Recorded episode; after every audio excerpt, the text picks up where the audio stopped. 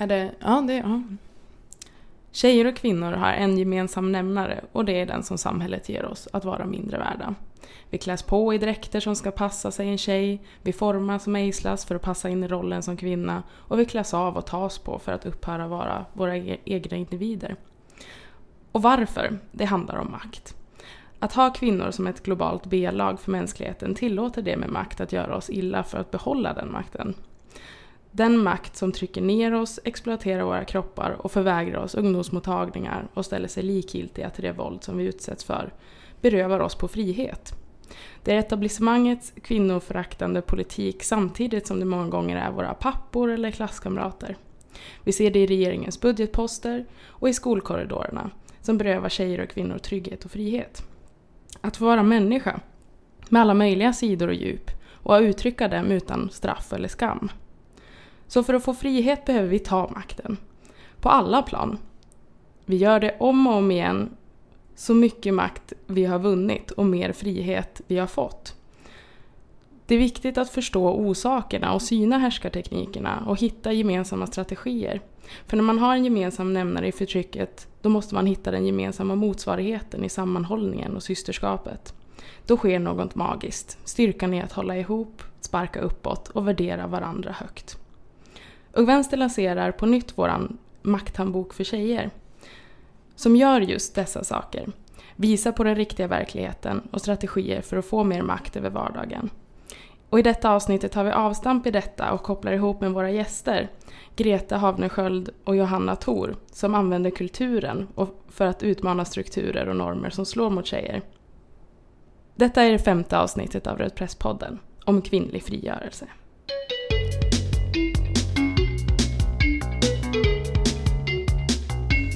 You be scared of anybody, any place who will not stand up for world peace now! Nu är det en ny tid och den tiden är vår. We are here to be respected. You just started the revolution. I love it. Så här står det på baksidan av Ung Vänsters makthandbok för tjejer.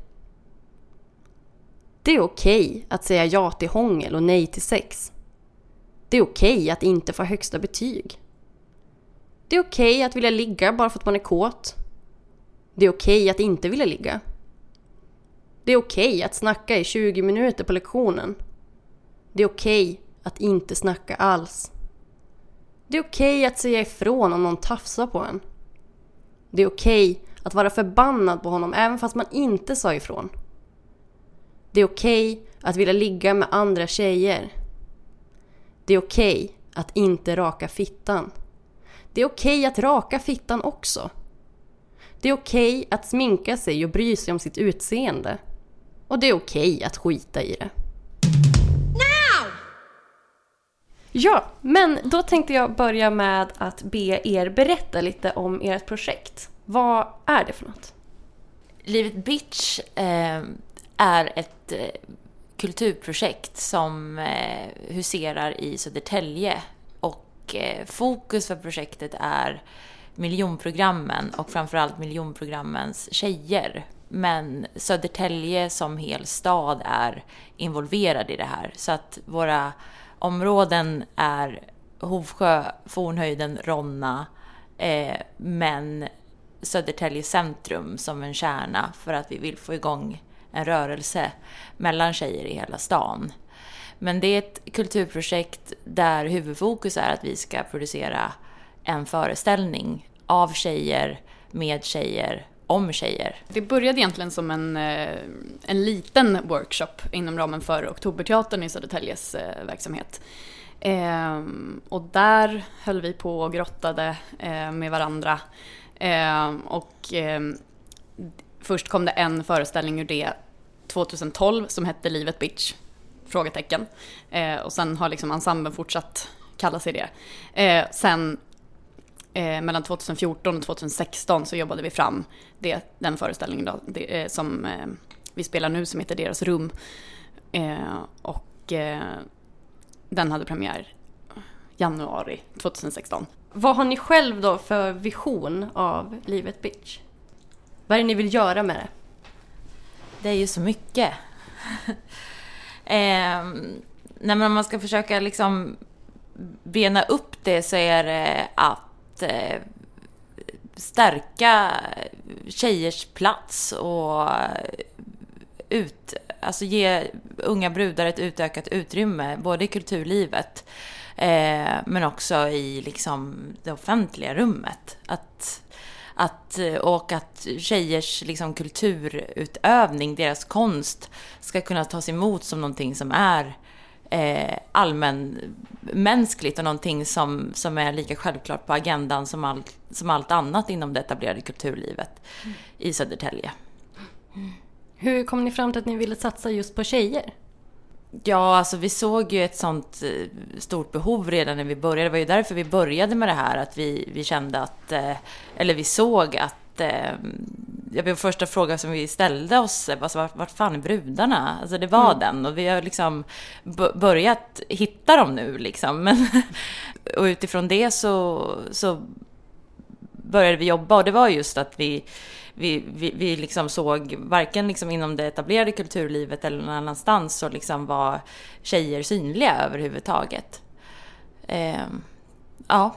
Precis, och sen såg vi väl också ett behov alltså i just Södertälje eh, att jobba med jämställdhet. Alltså det finns det är inte så att det är helt dött i Södertälje att det inte händer någonting, men det som sker, sker väldigt inom de olika etniska och religiösa grupperna. Eh, så det finns väldigt eh, få sammanhang där tjejer med olika bakgrund möts. Eh, och det kände vi ju också att det är en otrolig kraft i att skapa ett sånt sammanhang där det finns en, en mycket bättre, bättre representation än vad det finns någon annanstans i Södertäljes kulturliv och sen göra konst av det. Det är ju liksom man vet att, att det, här, det, det, det här är någonting som fyller ett behov. Mm. Och eh, både hos de som är med, men också för publiken. Det är väldigt många som behöver känna till vissa saker i den här staden. Eh, så det, det, det, är också den, liksom, tjejers plats men också alla olika tjejers plats. Mm. Om man då går på en föreställning av er, vad kan man förvänta sig att få se? Brudar. ja. Verkligen. Nej men hittills så har det ju varit eh, väldigt intima kan man säga föreställningar, alltså monologföreställningar som har varit eh, eh, som där vi i en researchprocess eh, har jobbat utifrån olika teman. Det kan ha varit eh, sexualitet, eh, lycka, frihet, religion, relationer. Eh, och sen har vi, jag och Grete, skrivit manus utifrån det som har kommit upp i de här samtalen eller i de övningarna vi har gjort. Eh, och då har ju liksom de här monologerna tagit avstamp utifrån eh, olika tjejers eh, sätt att förhålla sig till de här olika ämnena. Och sen har vi liksom förhöjt det så att det ska liksom kunna spelas och tas emot som ja, någonting som är allmängiltigt förhoppningsvis. Mm. Eh, så det har man ju kunnat förvänta sig och fått se hittills. Men vart vi landar i vårt liksom, kommande arbete när vi har mer resurser och eh, kommer ha fler människor involverade, det, det får vi se. Men tanken är att det ska bli något, något annat än en monologföreställning den här gången. Det ska liksom det ska spänna över mycket bredare, eh, ja, man ska involvera fler konstformer helt enkelt och ett större uttryck tänker jag mig i alla fall när jag liksom tänker höstens föreställning. Mm. Och också att man, eh, det har vi väl liksom sett i vår researchprocess att tjejer längtar efter att få vara så roliga på riktigt på mm. scen mm. utan att behöva bära bära allting. Det ska inte hela tiden finnas ett nytt och liksom perspektiv på allt mm. tjejer gör heller, utan det ska få liksom, det ska få, blir det en revy så blir det det. Mm. Är de komiska genier så ska de få vara det utan att behöva liksom bära alla orättvisor här, liksom, eller liksom prata om det, utan det, det ska liksom, det ska väldigt mycket utgå ifrån deras egna behov. Mm. Ja, och också tjejerna som kommer och tittar, att det eh, För det är väldigt lätt hänt att man ska göra så här, ja nu gör man en eh, pjäs om unga tjejer, då blir det alltid så väldigt tungt. Det blir alltid så tunga ämnen och hur jobbigt det är. Liksom våra föreställningar har ju varit både roliga, men de har ju varit också väldigt tunga. Eh, och, och, och det har vi liksom också fått så här reaktioner från vissa tjejer som har varit och tittat på den och eh, alltså på deras rum. Ja men att de, de kanske har ett behov av att få titta på någonting som inte är så jävla tungt bara för att man är tjej. Mm. Att det, och just det där att ja, killar behöver ju sällan kolla på några sådana tunga grejer liksom om hur tungt det är att vara kille utan de, det är mycket mer De kan Ja. gå in och prutta på scen Ja. och sen är det bra där liksom. Det är kanske det vi gör i höst. Ja. Vi kanske går in och pruttar på scen Ja. och sen går vi ut. Det är, ja, det är mycket möjligt att det blir så. Det är svårt att prata om en föreställning som liksom inte... Eftersom den här föreställningen bygger ju så himla mycket på researchen som vi nu precis egentligen den här veckan påbörjar i Södertälje eh, med ungdomar. Så därför är det väldigt svårt också att prata om ehm, hur den kommer bli eller varför. Det, det är ju liksom ungdomarnas eh, röster som kommer fylla den här. Vi kommer ju inspireras, allt kommer ju tas därifrån. Så vi har ju liksom bara en, en övergripande tanke, så vi kan inte kontrollera det här. Ehm, vilket är både skönt och väldigt läskigt. Så, ja. Det låter ju väldigt spännande tycker jag. Eh, vad, vad har ni liksom för mötts av för reaktioner på det som ni har gjort hittills då? Eh, alltså, båda, båda föreställningarna har ju fått jättebra recensioner och sånt där och det har ju kommit många sådana här liksom eh, vana teatertittare och, och varit jätteberörda. Men det har ju också kommit eh, Alltså det, det roliga är ju när man har spelat för ungdomar och de har reagerat på ah, men det där är ju hennes kusin som står på scen. Eh, och, och den kraften i att, alltså inte bara, alltså för det är ju många, eh, många teatrar gör ju research, alltså det är ju inget, det vi håller på med är ju ingenting unikt liksom. Eh, men, men just det här att, eh, att representationen på scen, att det är det man ser också, inte bara det som, som sägs. Eh, att, att det, eh, det finns en himla kraft i det, att det verkligen är personer från Södertälje som står på scen och säger de här sakerna. Eh, så där har vi fått liksom reaktioner på det, men också på saker, för vi tar ju upp, har ju dragit upp ak aktuella saker som har hänt i Södertälje, till exempel hur en muslimsk eh, flicka blev misshandlad i Hovsjö. Och ja, de reaktionerna, alltså att, att få gå och titta på en föreställning som handlar om platsen där man bor. Eh, och inte bara så här, "Åh, gå och titta på teater och så bara, fy fan vad tråkigt, liksom, det här rör inte mig. Så det, det, det är ju det som har varit vårt syfte. Men sen har vi också utgått ifrån tjejer som norm när vi har gjort det här och ganska hänsynslöst bara kört på det och inte tänkt så mycket på så här, hur killar ska, hur ska killarna ta det här och hur ska män uppfatta det här och så. Och då när vi har kört på den ganska hårt, fullt ut, så har det också, har vi fått reaktioner där personer har blivit väldigt berörda, personer, alltså svennegubbar som vi inte alls har riktat oss till i våran, liksom när vi har skapat. Eh, och då känns det också så här, ja, det är inte så att man, oh, vi blir extra bekräftade när de där svennegubbarna sitter och gråter, men, men, men det är mer att eh, eh, det känns så här lyckat när även personer som man inte har brytt sig om i, i sitt skapande blir berörda. Eh, för det betyder ju också att det här som vi säger, det är någonting allmänmänskligt, det är något allmängiltigt, även om det är unga tjejer med olika bakgrunder som står och säger det. Och, och det är ju liksom en kraft i det. Jag tänker att mycket i det ni gör är ju att utgå ifrån tjejer och genom det liksom eh, uppvärdera och värdera vad som är liksom tjej eller eh, tjejigt eller vad man ska säga. Eh, och nu är ni ju liksom ett eget projekt men tidigare så var ni eh, i liksom verksamheten av den teatern där ni verkar på. Och där var det ett behov för er att kliva ur det för att ni inte liksom fick samma eh, värdering liksom, inom den teatern. Visst var, visst var det på det viset? Ja. Ja. Och hur, alltså, hur, hur tog det sig uttryck? nu i efterhand så önskar man ju att det var vi som klev av, men det var ju faktiskt inte så, utan det var ju liksom den institutionsteatern i Södertälje som la ner projektet. De Just tyckte det. inte det var tillräckligt viktigt helt enkelt att satsa på. Eh, så där tyckte vi ju olika. Eh, och men, eh, och det, det får man ju tycka. Eh, men då dök ju den här, eh, det här regeringsuppdraget upp där vi kunde söka egna pengar så att säga.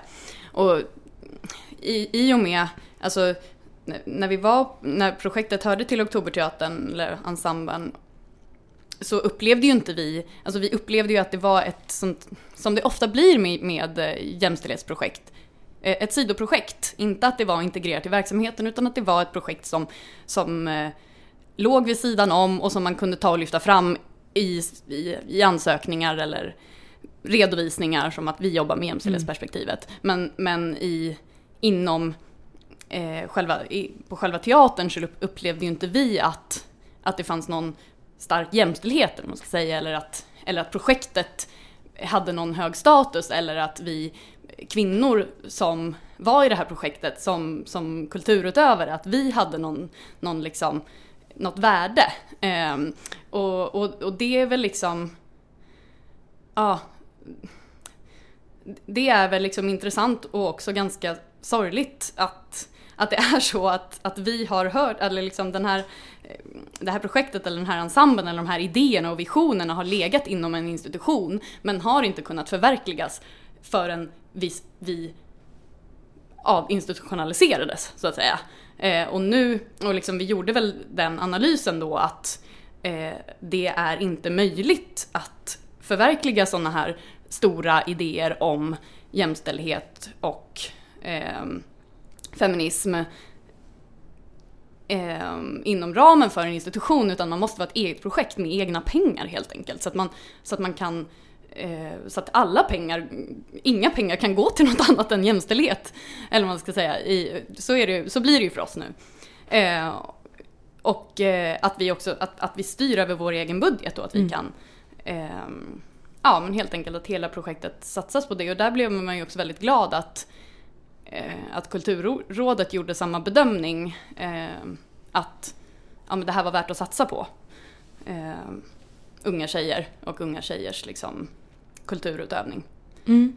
För det liksom projektet som ni kör, eller de föreställningar ni gör, eh, utmanar ju liksom samhällets eh, ja, syn på tjejer och så vidare. Men det känns också som att ni eh, driver en kamp för just kvinnligt kulturutövande samtidigt. Och är det för att liksom det finns är det för att kulturen är kul eller är det för att det finns en, en styrka i det? Eller liksom, vad är det som är, är det liksom, varför är kulturen som medel ett viktigt verktyg? Men dels är det ju liksom allt som, som, som samhället bär, om det är en liksom statligt eller kommunalt finansierad teater eller om det är skolan eller om det är är någonting annat så är det ju att det som liksom satsas på eller det som man visar upp sätter ju liksom en norm eller normer för samhället. Och eh, där är ju naturligtvis kulturen en del av liksom ett samhälle, eller det har det ju varit i alla tider, att liksom ett, i olika städer och i olika länder, men liksom... Eh, och där att inte låta tjejer ha plats eller ha utrymme, både som liksom eh, kulturutövare eller att fundera över hur, i vårt fall då, unga tjejer vill konsumera kultur. Eh, att inte tycka att det är liksom intressant eh, eller liksom jobba för det. Det gör ju någonting med samhället i stort och där liksom är ju kulturen eller konsten eh, ett medel för att liksom både eh, lyfta olika frågor men också eh, att, också liksom vara en del av, av ett samhälle, alltså människors vardag eller människors liksom liv, precis som en skola är eller någonting annat. Att, att, att, att det som syns eh, gör någonting med samhället i övrigt. Så att liksom, det kan ju både vara ett medel att, att liksom så aktivt förändra någonting, men det kan ju också vara någonting där målet är att det som vi erbjuder ska vara för alla och då även unga brudar. Mm. Och det är väl det att liksom konsten och kulturen kan ju inte bära allt, men den kan ju åtminstone se till att vara relevant för då även unga brudar. Mm. Mm.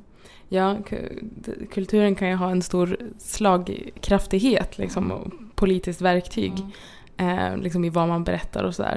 Mm. Jag tänker också att, att det kan vara eller för mig typ när jag sjunger till exempel känner jag att det är eh, ett sätt att använda mitt kropp som, min kropp som ett verktyg liksom. Eh, snarare än liksom en, ett objekt eller sådär. Eh, jag tänker att det kan vara så att stå på scenen också eller liksom den generella kulturutövningen. Är det här en, en liksom dimension ni snackar om att, att kroppen får vara eh, ett medel och ett verktyg liksom? Ja, eller liksom den blir ju det. ehm, av sig själv på något sätt när man står på scen. Eh, och det viktiga då med Livet Bitch är ju att det ska finnas olika kvinnors kroppar på scen. Eh, och vi har liksom märkt att just det där med liksom att det är kvinnokroppar med olika färger, med olika hårfärg, med olika hudfärg. Att bara det är en sån himla kraft i. Eh, och att, att, man, att, man inte ser det så ofta. Så här, sex tjejer eh, på en scen där två har brun hudfärg, två har jättemörkt hår och två är så här blonda svennar. Och sen så pratar de om gemensamma saker. Eh, de, det finns motsättningar också. Och det är liksom, man pratar om både olika... Alltså, att, det är också lite så här konstigt i Sverige 2017 att det är någonting ovanligt. Men, mm men vi har liksom uppfattat, alltså, alltså det, är också så här väldigt... Alltså folk har ju frågat oss så här, är ni väldigt politiska? Är det liksom så här, och, alltså, det är ganska intressant för att jag tror, vi har ju inte uttalat oss, alltså Livet Bitch är absolut inget partipolitiskt projekt, så vi är ju religiöst och kul- kulturellt och politiskt obundna. Det ska vara öppet för alla eh, tjejer. Eh, men jag tror just det där med att vi är väldigt politiska, det är, jag tror det liksom har bara att göra med våra kroppar. Alltså det blir, det blir politiskt av sig självt bara av att vi står på en scen. Det är liksom inte vi som har valt det, eller man ska säga. Eh, men det kan vi ju också utnyttja till vår fördel. Eh, att folk tolkar oss politiskt, för då kan ju vi säga saker som blir politik. Eh, eh, liksom vare sig de vill eller inte, eller vare sig vi liksom bryr oss eller inte, så, så kommer det ändå tolkas politiskt. Och ja, mm. Ja, jag tänker att det kan liksom vara, bli tvådelat av att både vara den som formulerar och för fram på scen men man är också på något vis liksom den som betraktas. Eh, och kanske att det fin- kan finnas ett, ett obehag också av att, av att vara sin kropp eller vara liksom sin etnicitet på scen till exempel. Finns det den här dialogen liksom hos era tjejer? Att det, det kan vara ja, den, den typen av Ehm, man är lite rä- rädd, rädd för det eller tycker det är eh, svårt att hantera. nej, vi har väl inte haft någon sån. Nej. ehm, Inte att någon har liksom känt sig begränsad. Nej, vi har faktiskt inte haft några sådana problem utan det har ju mer varit att vi har liksom utgått ifrån oss själva. Sen har vi, eller från våra samtal och sen har vi skrivit saker eh, och sen har någon sagt det. Eh, och det har ju ibland hängt ihop med etnicitet och ibland inte. Eh, och väldigt ofta har det ju hängt ihop med etnicitet eller vilken religion man har. Men nej, jag tror snarare att det inom ensemblen, alltså rätta mig om jag har fel Johanna, men att man har känt att en stolthet i det. Och, och um, ett, ett liksom ansvar att, att andra tjejer ska få känna igen sig.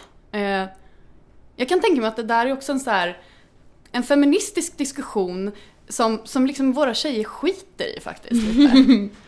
ja. Får de liksom så mycket kraft av, av, sitt kulturutövande? Jag tror det kan vara så också utifrån hur vi har jobbat, att man bygger upp en sån tillit till varandra inom gruppen där konflikter också är okej, eller det är okej att tycka olika och så. Eh, det är en del av det, att liksom man har byggt upp en sån trygghet i våran liksom förhållandevis lilla ensemble hittills. Men det är en viktig grej att tänka på sen när projektet blir större. Man kanske inte kommer ha hinna bygga upp den liksom, eh, tilliten till varandra. Men det är intressant ändå, för jag kom på en av våra första recensioner vi fick på vår första föreställning. Så började recensionen med att recensenten hade tänkt så här, åh nej, Eh, vart i schablonlandet ska det här eh, landa? Här kommer den här svennebruden med massa smink, det var jag. Eh, och sen kommer den här kaxiga surjojo-tjejen. Eh, med, det var Manors. Och så var det, jag kommer inte ihåg vad hon hade för schablon på dig, men hon ra- radade upp i alla fall schabloner liksom så.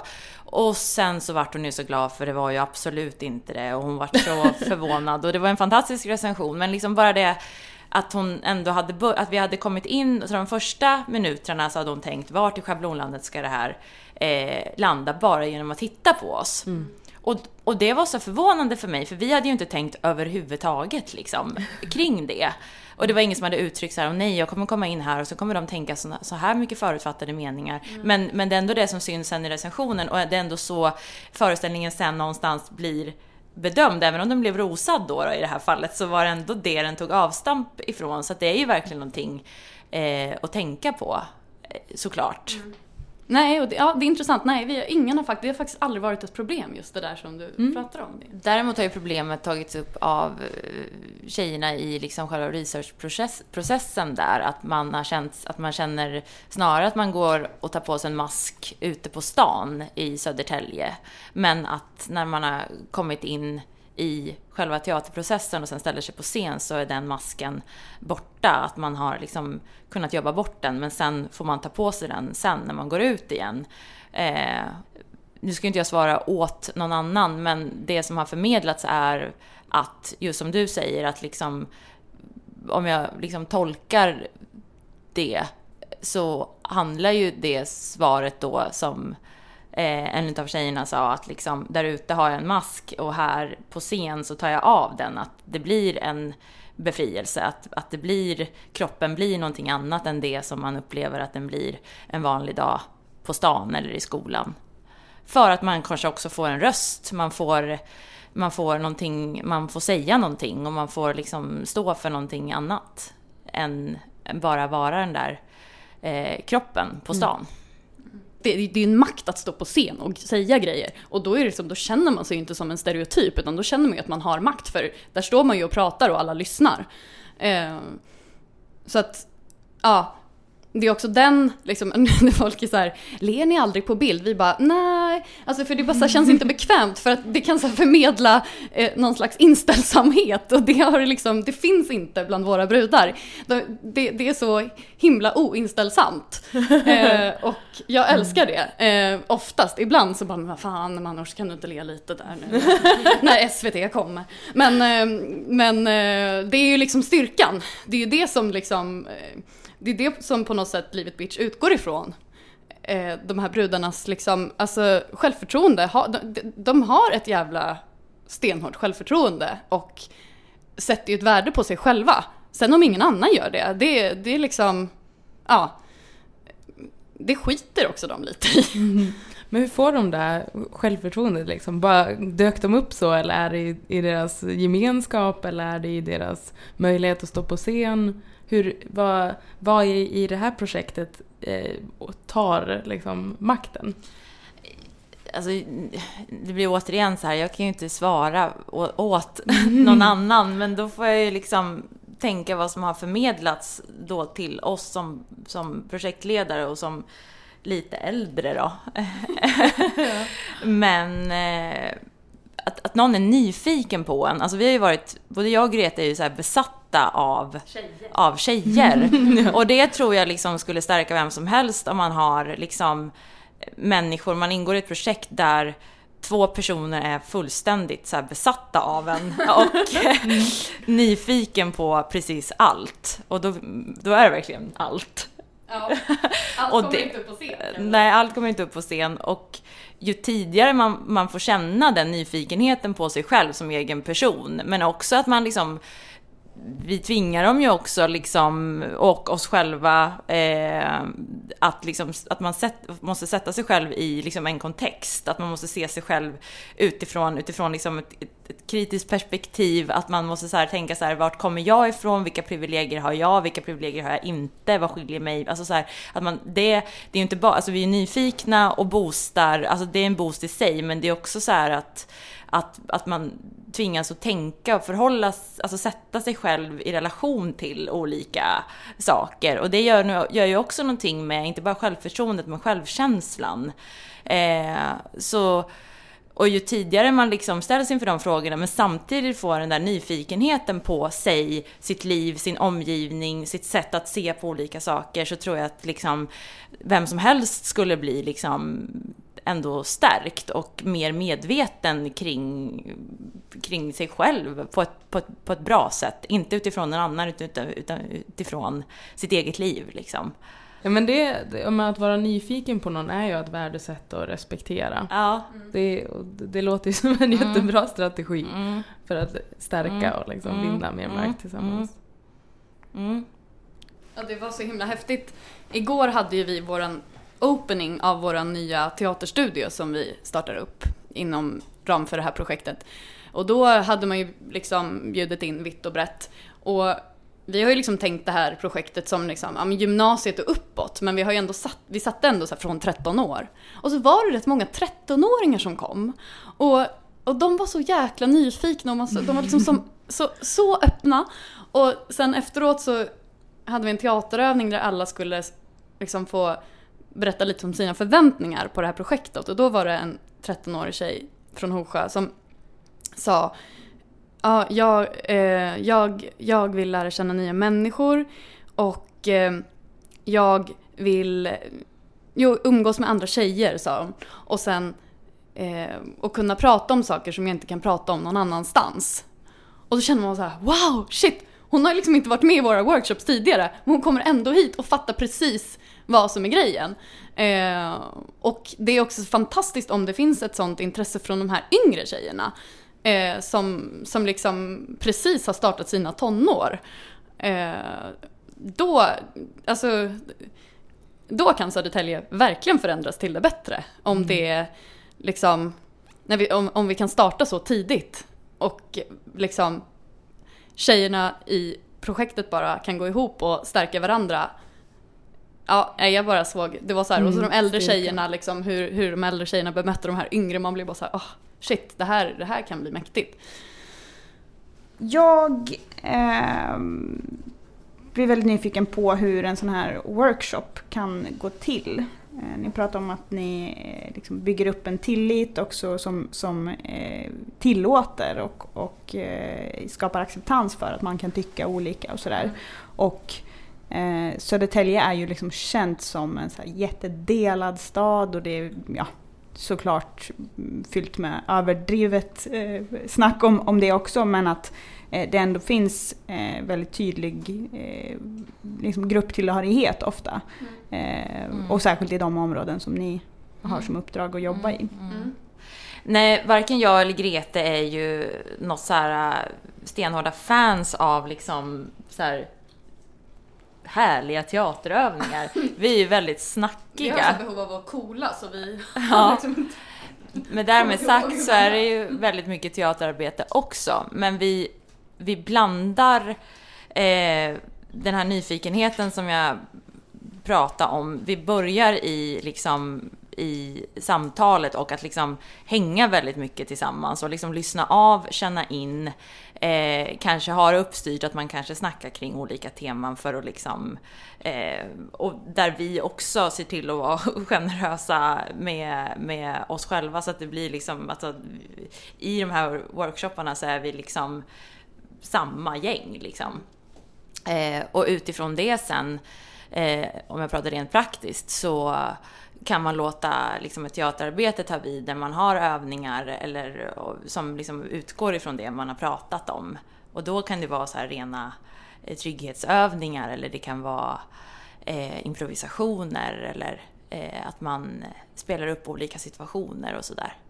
Men framför allt att det utgår ifrån vad deltagarna själva liksom känner för kanske just den dagen. Mm. Um, jag, jag tänker på det här med, med liksom att bara vara tjejer och bara rikta sig till tjejer i ett sånt här projekt. Att bara där är det ju eh, kontroversiellt och det har ni fått liksom erfara och betalat ett, ett pris för. Men eh, jag, jag funderar också på hur ni ser på det som en, en strategi för, för jämställdhet att just dela upp. För att det är ju inte bara kontroversiellt utifrån någon liksom antifeministisk hållning utan Mm. det är många som reagerar på att, att man gör så. Eh, och eh, jag tänker på det ni säger om, om att, att ni eh, liksom upplöser mannen som norm och, och istället eh, lyfter upp kvinnan som norm. Eh, att, att det kan man kanske säga är strategin, att skapa ett rum där vi prövar att leva som om Ja. eh, vi är, är lika mycket värda som, som männen och värderas på samma sätt. Precis, och jag tror att alltså ehm, Nej men vi, det är, ju väldigt, det är ju en väldigt medveten strategi att vi jobbar bara med tjejerna. Ehm, sen har ju vi, vårt långsiktiga mål är ju att ehm, utveckla Livet Bitch till en ny modern ungdomsscen i Södertälje. Och där är det ju liksom många andra som ska vara med och tycka och bestämma kring pengar och sånt. Så det kan ju inte, vi kan ju inte bestämma det själva men, men, men vi, vi jobbar mot det målet. Och där tänker vi såklart att killar också ska vara inkluderade i den ungdomsscenen som, som vi vill. Och, eh, men, men vi har liksom tänkt mycket på det att på något sätt, det är ju många sådär, man, man startar en verksamhet och så eh, ska man in, integrera ett jämställdhetsperspektiv, jämställdhetsintegrering som är så populärt. Eh, och att det ofta misslyckas ju. Eh, och vi tänker att, vi kanske också kommer misslyckas, men eh, vi tänker att vi provar något nytt. Vi provar med att börja med brudarna och säkra liksom brudarnas plats i det här. Och kanske det kan göra att vi på något sätt säkrar jämställdhetsperspektivet sen när killarna också kommer in och kommer ta plats. Men det, det är en väldigt tydlig strategi som vi försöker att hålla kvar vid sen när vi liksom ska utveckla det här med killar också. Absolut en väldigt medveten strategi och eh, tror inte att det skulle gå att göra på något annat sätt. Eh, och få det här resultatet som vi får. Ja. Vad är skillnaden då? Vad? Mot, mot att göra på ett annat sätt? Nej, men jag det, tänker det kanske om- blir självklarheter men jag tänker Om jag tänker till exempel om vi skulle haft en grupp eh, med hälften tjejer, hälften killar. Eh, med... Eh, eh, då tror jag till exempel att tjejerna skulle inte lämna ut sig på samma sätt. Och ja, det är väldigt svårt, det blir mycket spekulationer men framförallt så när vi har spelat föreställningen så har vi spelat den för tjejer, bara tjejer i publiken och så har vi spelat för tjejer och killar i publiken. Och då har det ju varit mycket, alltså tjejerna, när det har varit bara tjejer i publiken så har ju de fått en mycket bättre upplevelse av föreställningen för att de har inte tittat på killarna och liksom, vad tycker de? De har fått sin egen upplevelse av det. Eh, och lite så tänker jag nu om jag bara ska spekulera att kanske workshopen också hade blivit, att det hade varit liksom i relation till killarna. Mm, det är ju intressant det där, för det är, ju- det är ingen... Det är nog få, i alla fall kvinnor eller tjejer tror jag, som skulle förneka den eh, liksom X-faktorn som, som uppstår när, när man är bara kvinnor eller bara tjejer. Och att, att just ert projekt där det också eh, handlar om att, att sammanföra tjejer från olika etniska grupper, från olika religioner, att, att man trots det eh, också får den liksom, sprängkraften, eller aha-upplevelsen i att, att stänga ute männen är ju egentligen liksom huvudpoängen. Ja, det, men det är också roligt sådär att vi har haft unga killar som har varit och tittat och som har blivit så otroligt berörda och känt ett behov av att liksom få göra samma sak. Eh, och det, ja men så vi tänker ju, alltså det är ju, det är ju verkligen inte så att vi inte har killarna i åtanke. Ehm, för att det är ju självklart finns det ju ett jättestort behov för killarna också i Södertälje men ja, just nu har vi inte pengar och vi behöver mer kompetens. Nej, och sen är det, blir det också en spets i att liksom påstå att, att, eh, att alla resurser vi har ska hamna på tjejer. Eh, och eh, skulle man börja liksom jiddra med att liksom, nu ska det vara 50-50 liksom, så vet vi ju alla att det blir ändå inte 50-50. Det ser inte 50-50 ut. Om vi tar exemplet med fritidsgårdarna så ska ju de vara 50-50. Det är liksom kommunala resurser.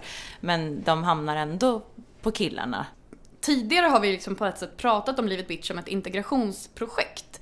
Eh, men alltså vi har nästan helt slutat prata om integration och prata på något sätt bara om jämställdhet och systerskap. För att Ja men dels så blir liksom integrationsbegreppet idag, eh, man får så många associationer som inte alls är vi. Eh, och man får också väldigt mycket associationer eh, som egentligen är assimilation. Och det vill liksom inte vi hålla på med. Och för Livet Bitch handlar ju lika mycket om att vi som är, har varit svennebrudarna i ensemblen ska integrera oss. Eh, och, och då eftersom människor pratar om integration, det, integration betyder så himla olika för så många olika eh, människor beroende på vem som tar begreppet i sin mun. Så har vi liksom, ja det är bara så här, vi har inget behov av, av att prata om det längre utan eh, jämställdhet och, och systerskap, det räcker liksom. Och då kommer det där man kallar integration, det där man vill ha, det kommer av sig självt. Vi kommer liksom inte behöva jobba för just den, de, de, de här liksom eh, kulturella liksom, mötena. Det liksom, ja, det interkulturella blir på något sätt inbyggt i jämställdhetsarbetet av sig självt. Alltså om man gör ett riktigt bra inkluderande jämställdhetsarbete så, så, så ingår ju liksom det. Så ja. Ehm, därför har vi, liksom, har vi börjat lämna det begreppet helt. Då det känns ganska skönt.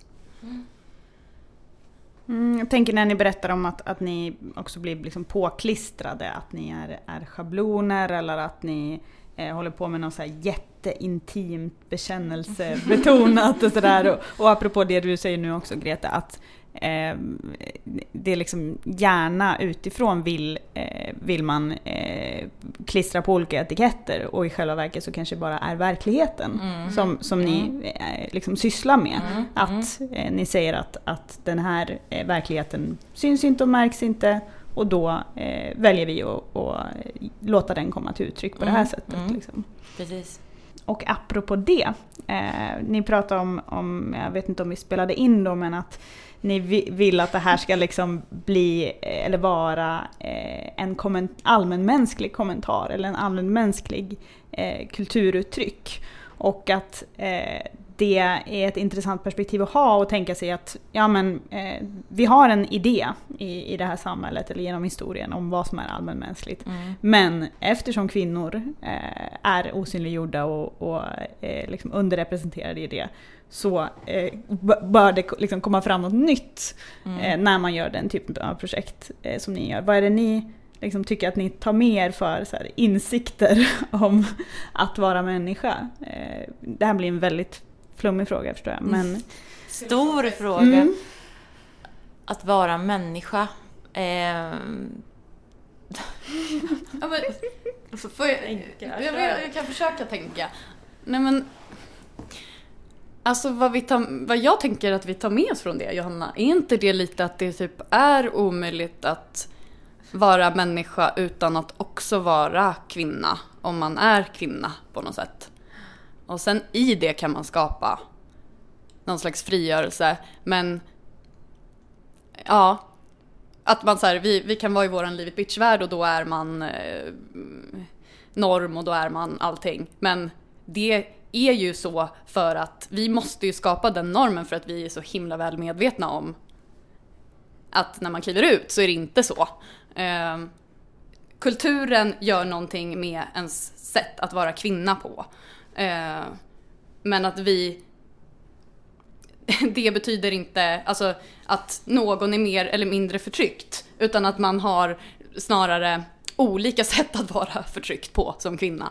Och att man ja, själv definierar det liksom. Ja, ibland kanske någon så här inom har så här, ja men det där är typ, där är jag mer förtryckt i den, i den situationen. Eh, och ibland så kanske man inte uppfattar att man är det. Tycker man kanske att någon annan är mer förtryckt. alltså så här, eh, typ, eh, ja, i Manouche tar upp i sin text. Det är ju inte liksom Manouch som privatperson, men i Manouchs text så pratar hon om, det blir extra förvirrat för att vi heter våra riktiga namn i pjäsen. Eh, jag menar så här, eh, var är, så här, en sak som skiljer mig och de svenska tjejerna är att, eh, eller oss och de svenska tjejerna är att vi inte hånglar med varandra. Så här, var är deras självrespekt? Det liksom, där tycker den karaktären att det som vi håller på med det är liksom eh, alltså vi svennebrudar som håller på att hångla runt, vad, vad, vad är det? Alltså det, är det, det är ett sätt att vara förtryckt också på. Att liksom inte ha någon värdighet. Alltså så här, det, det, och och det där att man liksom, att det, att, att det, det, det är liksom farligt att peka ut vem är mer eller mindre förtryckt, utan snarare så här på olika sätt. Liksom. Vi kan vara överens om att kvinnor, kvinnor är olika utsatta. Liksom. Alltså som det ser ut liksom i samhället idag så finns det ju väldigt många förväntningar på hur tjejer ska vara och så här massa oskrivna regler. Eh, men alltså egentligen, bara för att de här förväntningarna finns så betyder det ju liksom inte att man måste följa dem. Eh, och det är ju en av de här grejerna som jag själv eh, tar fast vid väldigt mycket liksom just i, i feminismen eh, och liksom att ta makten över sitt eget liv. Just det här att man får vara sig själv. Eh, att det vi pratar om det är inte liksom utifrån att eh, komma liksom med nya förväntningar och regler. Utan just att det här, eh, just att man får bara vara sig själv och att så här, vad, vem man än är så, är så är man bra liksom. Eh, och då undrar jag så här, hur gör ni eh, i Livet Bitch eh, för att just bryta de här förväntningarna? Man ska kunna få känna att man bara kan vara och ta bort alla andra förväntningar. Då är det ju liksom att man täcker in eh, att man ställer alla de där frågorna som uppenbarligen tjejer inte så ofta får. Och det gör ju att man liksom börjar tänka på helt andra saker än de sakerna som man förväntas tänka på eller som man tvingas tänka på hela tiden. Och det gör ju liksom att ens eget perspektiv vidgas, både på världen men på sig själv och på eh, Eh, förväntningarna på vad andra då skulle vara intresserade av eller vad jag har för betydelse för andra. Och får man den då nyfikenheten på sig så blir det ju alltså på alla, alla plan. Då, då händer det någonting med ens egen uppfattning kring liksom vilka förväntningar man har på sig. Då helt plötsligt blir det liksom, då blir det liksom ett stort universum istället av liksom mycket, ja, att man själv då får definiera sig själv och då tänker jag att det är ett sätt att, att känna att man bara får, får vara och få kasta bort eh, vissa av de som schablonartade förväntningarna som men det, det, liksom, det eliminerar ju naturligtvis inte dem, men det kan eliminera dem i, i det här sammanhanget och förhoppningsvis göra någonting i förlängningen också. Mm. Vi, vi har ju lätt att döma andra kvinnor också. Och det är ju ett problem. Och att vi försöker att vara medvetna om, när vi gör det åtminstone, eh, och inte döma varandra eh, för olika, olika sätt. För alla vi i ensemblen har ju haft olika liksom, strategier eller olika sätt att vara kvinna på. Och, det där kan man ju, och där har det ju så himla mycket Och haft olika förväntningar på oss också. Precis, verkligen. Exakt. Man, man eh, blir ju kvinna utifrån de förväntningar man har på sig, så försöker man leva upp till dem. Liksom. Och sen så blir man dessutom dömd av andra kvinnor för att man försökte leva upp till typ de förväntningarna som är i den kulturen man själv har eller den, ja, det sammanhanget liksom. Så det blir så jävla dubbel bestraffning liksom. Ehm, Ja, och att det blir också ett medel i att man liksom att man får lite distans till de förväntningarna. När man hör liksom så, ah, okej, du har de här förväntningarna på dig, jag har de här förväntningarna på mig. eh, men de utgår på något sätt, alla de här förväntningarna utgår i alla fall från att man är kvinna, fast i olika kontexter. Eh, så gör det också att det liksom skapar ju till slut en distans till det, för man liksom tar ner det på, på jorden på ett sätt. Så att de blir liksom inte lika överväldigande som de kanske skulle varit om man aldrig hade fått prata om det överhuvudtaget eller liksom synliggjort det, att man hade gått och liksom burit det inom sig själv. För det minns jag från min egen tonår, liksom, vilket så här helvete det var att liksom navigera i, i alla de där förväntningarna och förväntningarna på sig själv och det man antog att människor förväntade sig av en och, och sådär. Och, och, och, och jag lever så nära min så här, tonåring, den jag var. Fortfarande, man kommer ihåg den tjejen så starkt. Och det tror jag har att göra med nu, att man har valt att jobba så som man gör. Att man liksom... Eh, ja, man är nära sin, sin inre... Ja, man kommer ihåg de där åren och hur, vikt, hur, alltså hur viktiga de där tonåren är och hur mycket det formar en. Liksom. Eh, jag tänker att det finns ju ganska många olika sätt att bygga systerskap på också. Mm. Eh, det kan ju till exempel handla om att, ja, men, att ryta ifrån om det är någonting som händer eller Mm. om att bekräfta någon efteråt att så här, gud jag såg det där, eh, det där var helt sjukt, eh, hur mår du? Mm. Det kan ju vara att gå på feministiskt självförsvar eller liksom att vara med i en tjejseparatistisk ensemble. Mm. Ehm, så jag tänkte så här, hur, hur pratar ni om det i, i er ensemble? Om just systerskap? Nej, vi har inte pratat om det. Vi har inte pratat om det. Däremot så har, vi det liksom, det? har vi gjort det precis och det har liksom byggts upp av sig självt. Och det häftiga med det var ju då när det blev så mycket problem då på Oktoberteatern där vi var och eh, hur... Alltså för innan så hade ju liksom eh, eh, våra brudar, ja men det var så här, ja men eh, de kunde tänka sig vara med i någon annan föreställning och det skulle ju vara kul att spela med några killar på scenen och sen hände det här. Eh, och då blev liksom ensemblen bara blev så jävla stark liksom och alla bara stöttade varandra, gick ihop.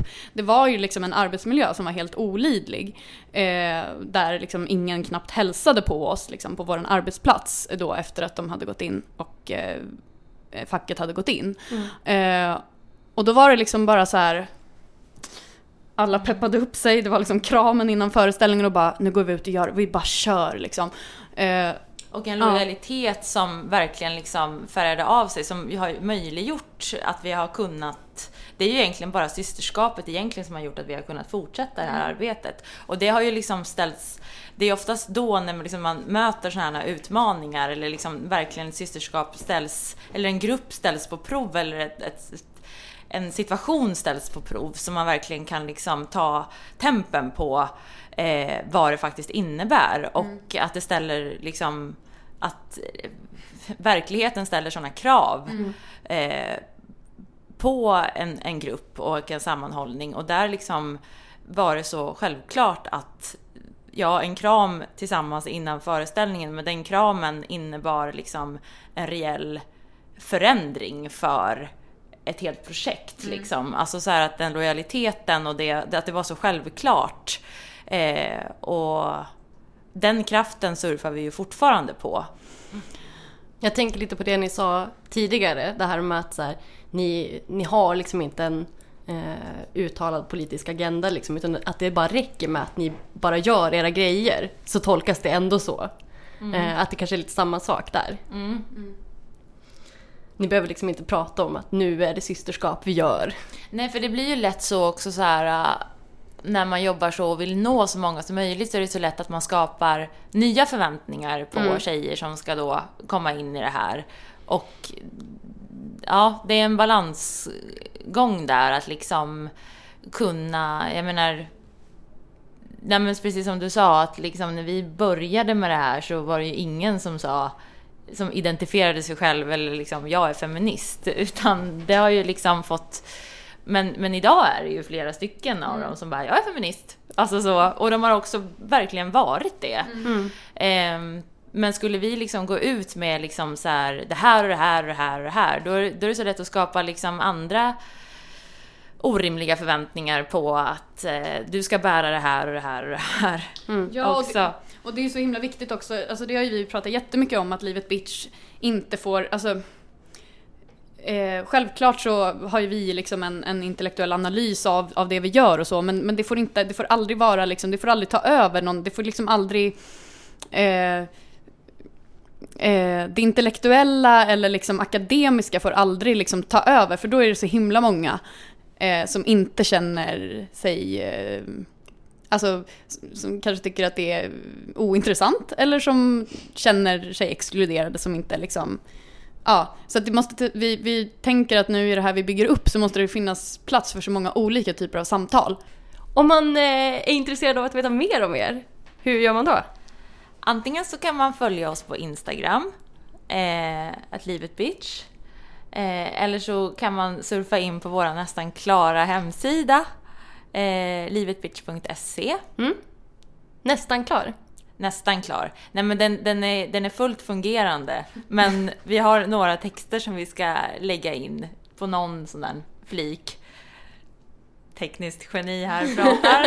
men Det var ju såklart en annan brud som gör detta åt oss, Precis. inte jag och Johanna som... nej, en fantastisk tjej som har roddat med den där hemsidan. Så det känns ju stort att ha en hemsida nu. Mm. Så in, in på den och kolla. Ja, men då tackar vi så jättemycket för att ni ville vara med här i Röd Press-podden. Tusen tack för att vi fick vara med. Verkligen. Jättekul. Lilla applåden. Det jag tycker det visar, det som våra, våra gäster har pratat om med deras verksamhet, det är att när man skapar utrymmen, plattformar, forum där tjejer får sätta villkoren och liksom stärka varandra så händer det någonting eh, mäktigt och slagkraftigt. Att då får man chans att utmana förutfattade meningar, strukturer och roller och att det också ger genljud liksom, i ens omvärld och ens omgivning. Och något som vi vill, som Makthandboken är, är ju att vara liksom ett, eh, också ett verktyg eller ett medel för det. Som är viktigt på, på några sätt. Eh, jag tänker att en, en viktig del är att vi ska både förstå strukturen och få vår verklighet bekräftad. Alltså att det som vi skriver i Makthandboken är ju något som som eh, man kanske inte behöver läsa för att eh, få kunskapen men för att få sina egna upplevelser bekräftade. Eh, och koppla det till, till strukturen. Eh, och på det viset så kan vi ju befria oss från skuld och också förstå att det går att göra annorlunda eller att det går att förändra. Och den här eh, Makthandboken för tjejer som vi eh, återlanserar eller, eller gör en ny upplaga av kommer vi att ha en releasefest för den 5 april. Eh, och det blir kul. Då är eh, alla bjudna. Och mer info om det kommer man hitta på alla våra kanaler på internet.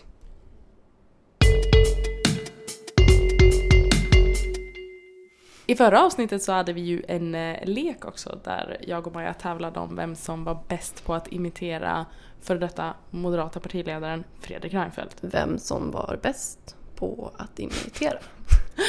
Och eh, vinnaren av denna tävling eh, genom en omröstning som vi, vi hade vid vår eh, Facebook-page det var Maja med 79 procent. Yes! Grattis eh, Maja. Tack! Mm, nej men jag förstår att det var så för du, för du, var, du var mycket bättre än Nej men alltså Elin, jag tyckte att du var väldigt duktig. Nästa lek kan ni hålla utkik efter på våran Instagram, rodpress. Kan ni delta via den. Coolt! Det här är femte avsnittet av Röd Presspodden och det första avsnittet som vi spelar in i Folkets Husby. Där det är en ny eh, fixad, nyöppnad studio. Och det är vi jättetacksamma över att ha den chansen. Vi har innan liksom roddat och, och fixat mycket själva så det här är, eh, är lyxigt och vi trivs väldigt bra här. Men det händer ju väldigt mycket annat i, i det här huset också så att kan, eh, man kan höra lite spring i bakgrunden och sådär Mm. när eh, Folkets Husby levererar. Vi vill återigen tacka våra gäster Grete Havnesköld och Johanna Thor som gästade vår podd det här avsnittet och berättade om sina upplevelser och eh, arbete med unga tjejer i Södertälje.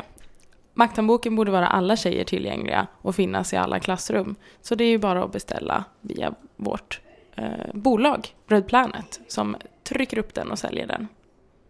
Och det här är Ung Vänster som tar över produktionsmedlen genom mig, Elin Morén, Maja Jonsson och Hanna Sederin.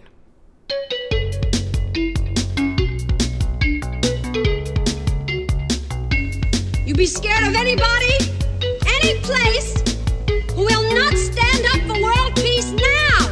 Nu är det en ny tid och den tiden är vår. We are here to be respected. You just started the revolution. Love it.